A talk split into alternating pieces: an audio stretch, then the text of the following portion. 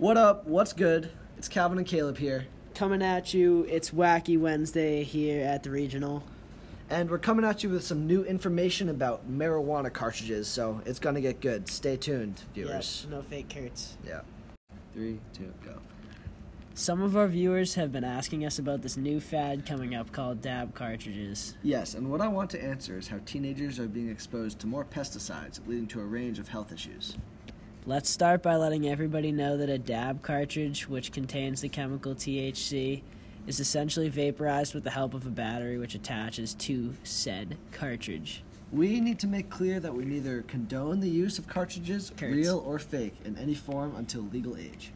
There are risks t- to using uh, fake or real cartridges, although real cartridges have many medicinal benefits for a lot of people. Using a fake cartridge can expose the lungs and body to pesticides or whatever the seller uses to make the cartridge. Pesticides, when inhaled, can lead to a number of lung issues and even cancer. A cartridge is determined as fake when not officially lab tested and sold by a legitimate company with a license to sell in their state. Now, I believe it is important to ask why fake cartridges are being sold. Sellers can fill empty cartridges with both concentrate containing THC and whatever else they want. By doing this, they can use a filler liquid such as vegetable glycerin or propylene glycol, which is used to create vape juice in order to save money. In this way, making a cartridge is very cheap and selling it is very profitable. While we are at it, why do teenagers feel the need to participate in smoking a cartridge? I think peer pressure is. I'm sorry. I think peer pressure is a major factor in their choice to use these cartridges. a very high percentage of teenagers in today's world use marijuana cartridges on a semi regular basis. Whether they use them with friends or they have a device of their own, it is a common thing for teenagers to do. Also, if teenagers have already participated in vaping, then they are more likely to try marijuana in this form as they have a sense of comfortability with the process and do not feel like they are doing something new. That is very interesting. But there must be a reason that these fake cartridges are being purchased. They're often bought because they sell for a much cheaper price on the streets, which appeals to high school, scu- high school students who either don't have a job or don't make much money. They're also purchased because it is often all that is accessible. Recreational and medicinal dispensaries have a system of keeping records that it would not be possible for somebody to buy enough cartridges to go undetected if they were selling to minors.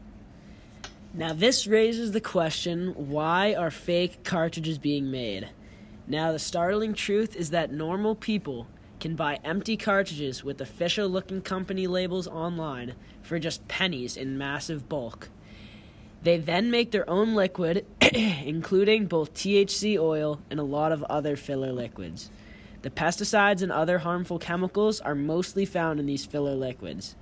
They then sell them to teenagers for a higher price and make a large profit. The scary thing about this is that many teenagers think that their cartridges are being made by real, legitimate companies. They are fooled by the deceiving labels. Recently, awareness in the fake cartridge problem has increased, but there are still a vast amount of teenagers who have no idea that their cartridges are actually filled with many harmful chemicals and pesticides. Now, here we want to educate the public on how to decipher a real cartridge from a fake one. It is necessary that before you use a cartridge, not that you ever should, that would be bad.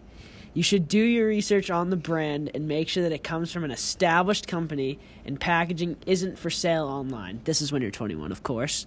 Then, to be extra sure, hold it upside down, and if the bubble in the liquid moves to the top, then you know that there are filler liquids present and it's bad. Now, teenagers have to be equipped to say no to the use of fake cartridges. If they have been using these cartridges frequently and they have recently discovered they are fake, they need a way to educate their friends and to say no.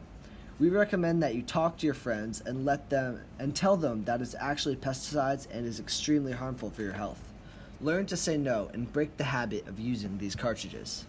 Now, if you have been using a cartridge frequently and you find out that it is fake and you want to stop, here are the steps you can take to do so. Ideally, you should stop using marijuana cartridges altogether. But if this isn't realistic for somebody, then they should get rid of the cartridge they are currently using and do research to try to find a real cartridge that is a substitute. This is a problem among teens today, and the more awareness people have about the fake cartridges, the less common they will become. Let's just hope enough people become aware so that this issue comes to an end. Also, if you ever buy Supreme cartridges or Cereal Carts, natural selection is coming for you.